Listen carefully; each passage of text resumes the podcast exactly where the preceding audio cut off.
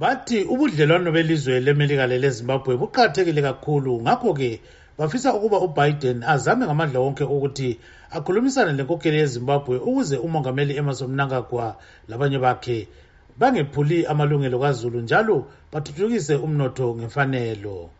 Bathi kuyazakala ukuba ubiden ngomunye walabo abantu abakhuthaza ukulotshwa komthetho wokujezisa inkokheli yebandla lezanup f wezimbabwe democracy and economic recovery act ngomnyaka ka-2001 phansi komthetho lo ilizwe lemelika lithi kumele elizimbabwe liqhube ukhetho olubalulekileyo kwembiwe ngemfanelo igolide lokunye kungephulwa ilungelo likazulu njalo kuvuselelwe umnotho.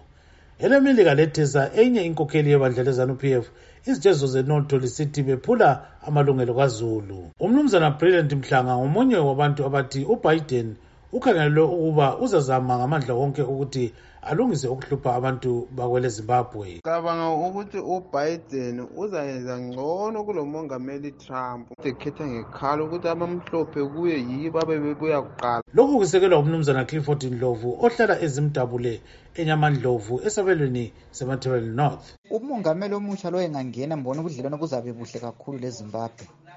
Ngoba laye umongameli wethu ubaba umnyankagwa ukhanya uyakuvuma ukuthi besebenzisane. So i-america ma ingasebenzisana lezimbabwe ilizwe lethu lingabe lokuqonda kwezinye izinto kakhulu kakhulu. So siyayijabulela le nto kakhulu. Akangene umongameli omutsha mpela engene kangene kangene.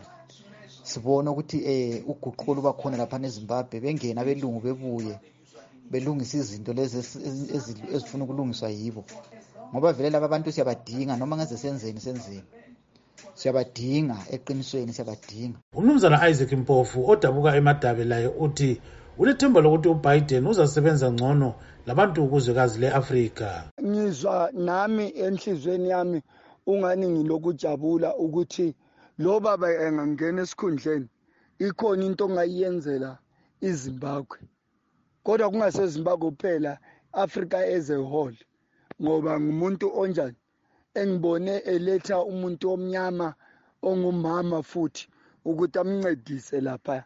So ngicabanga ukuthi uzaba lozwelo lokuthi abantu base-afrika labo bathole ukuphila ikakhulu izimbabwe ngoba ezimbabwe khumbule ukuthi abantu bemelika bayifuna kakhulu ukuthi ngabe bengaphila khona. So bazoncenga kubonakala ukuthi kuzohamba njani. Labo abantu basezimbabwe abafana labo mnankagwa kufuna bazithobe balungise bangahlukumezi amalungelo abantu. Kodwa umnumzana joseph chuma owebandla lezanup f uthi ubiden kasuze aguqule lutho ezimbabwe. Akangiboni lutho olungatshintsha ngokungena kukamnumzana ujoseph biden esikhundleni xa sikhangele ubudlelwano bethu lemelika. Um i-foreign policy yabo indlela abayenza ngakho ayilani lo muntu ayilani lamaphathi abo khona ngale um ilobu amerika phakathi and bama ngakhonokho sibonile u-obama wangena siyacaba ukuthi songena umuntu omnyama kuzalunga akulanto yatshintshayo ngakho-ke mina isifiso kuphela engilaso ukuthi ngabe imelika iyakhangela izimbabwe um lamanye amazwe nje ibabone as equals isincedise from a, an innocent and equal position hatshi ukufuna ukubana basibambezele basiphushele phansi ngesikhathi zonke lokhu kusekelwa ngumnumzana charles moyo.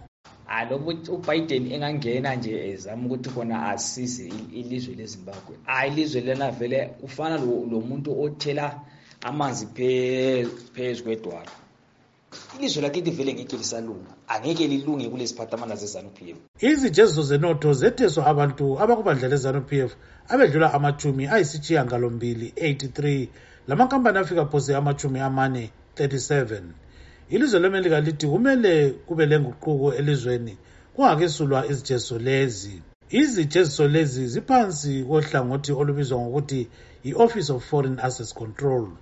ngimele isitudio 7 kuseMaryland ngingukip stube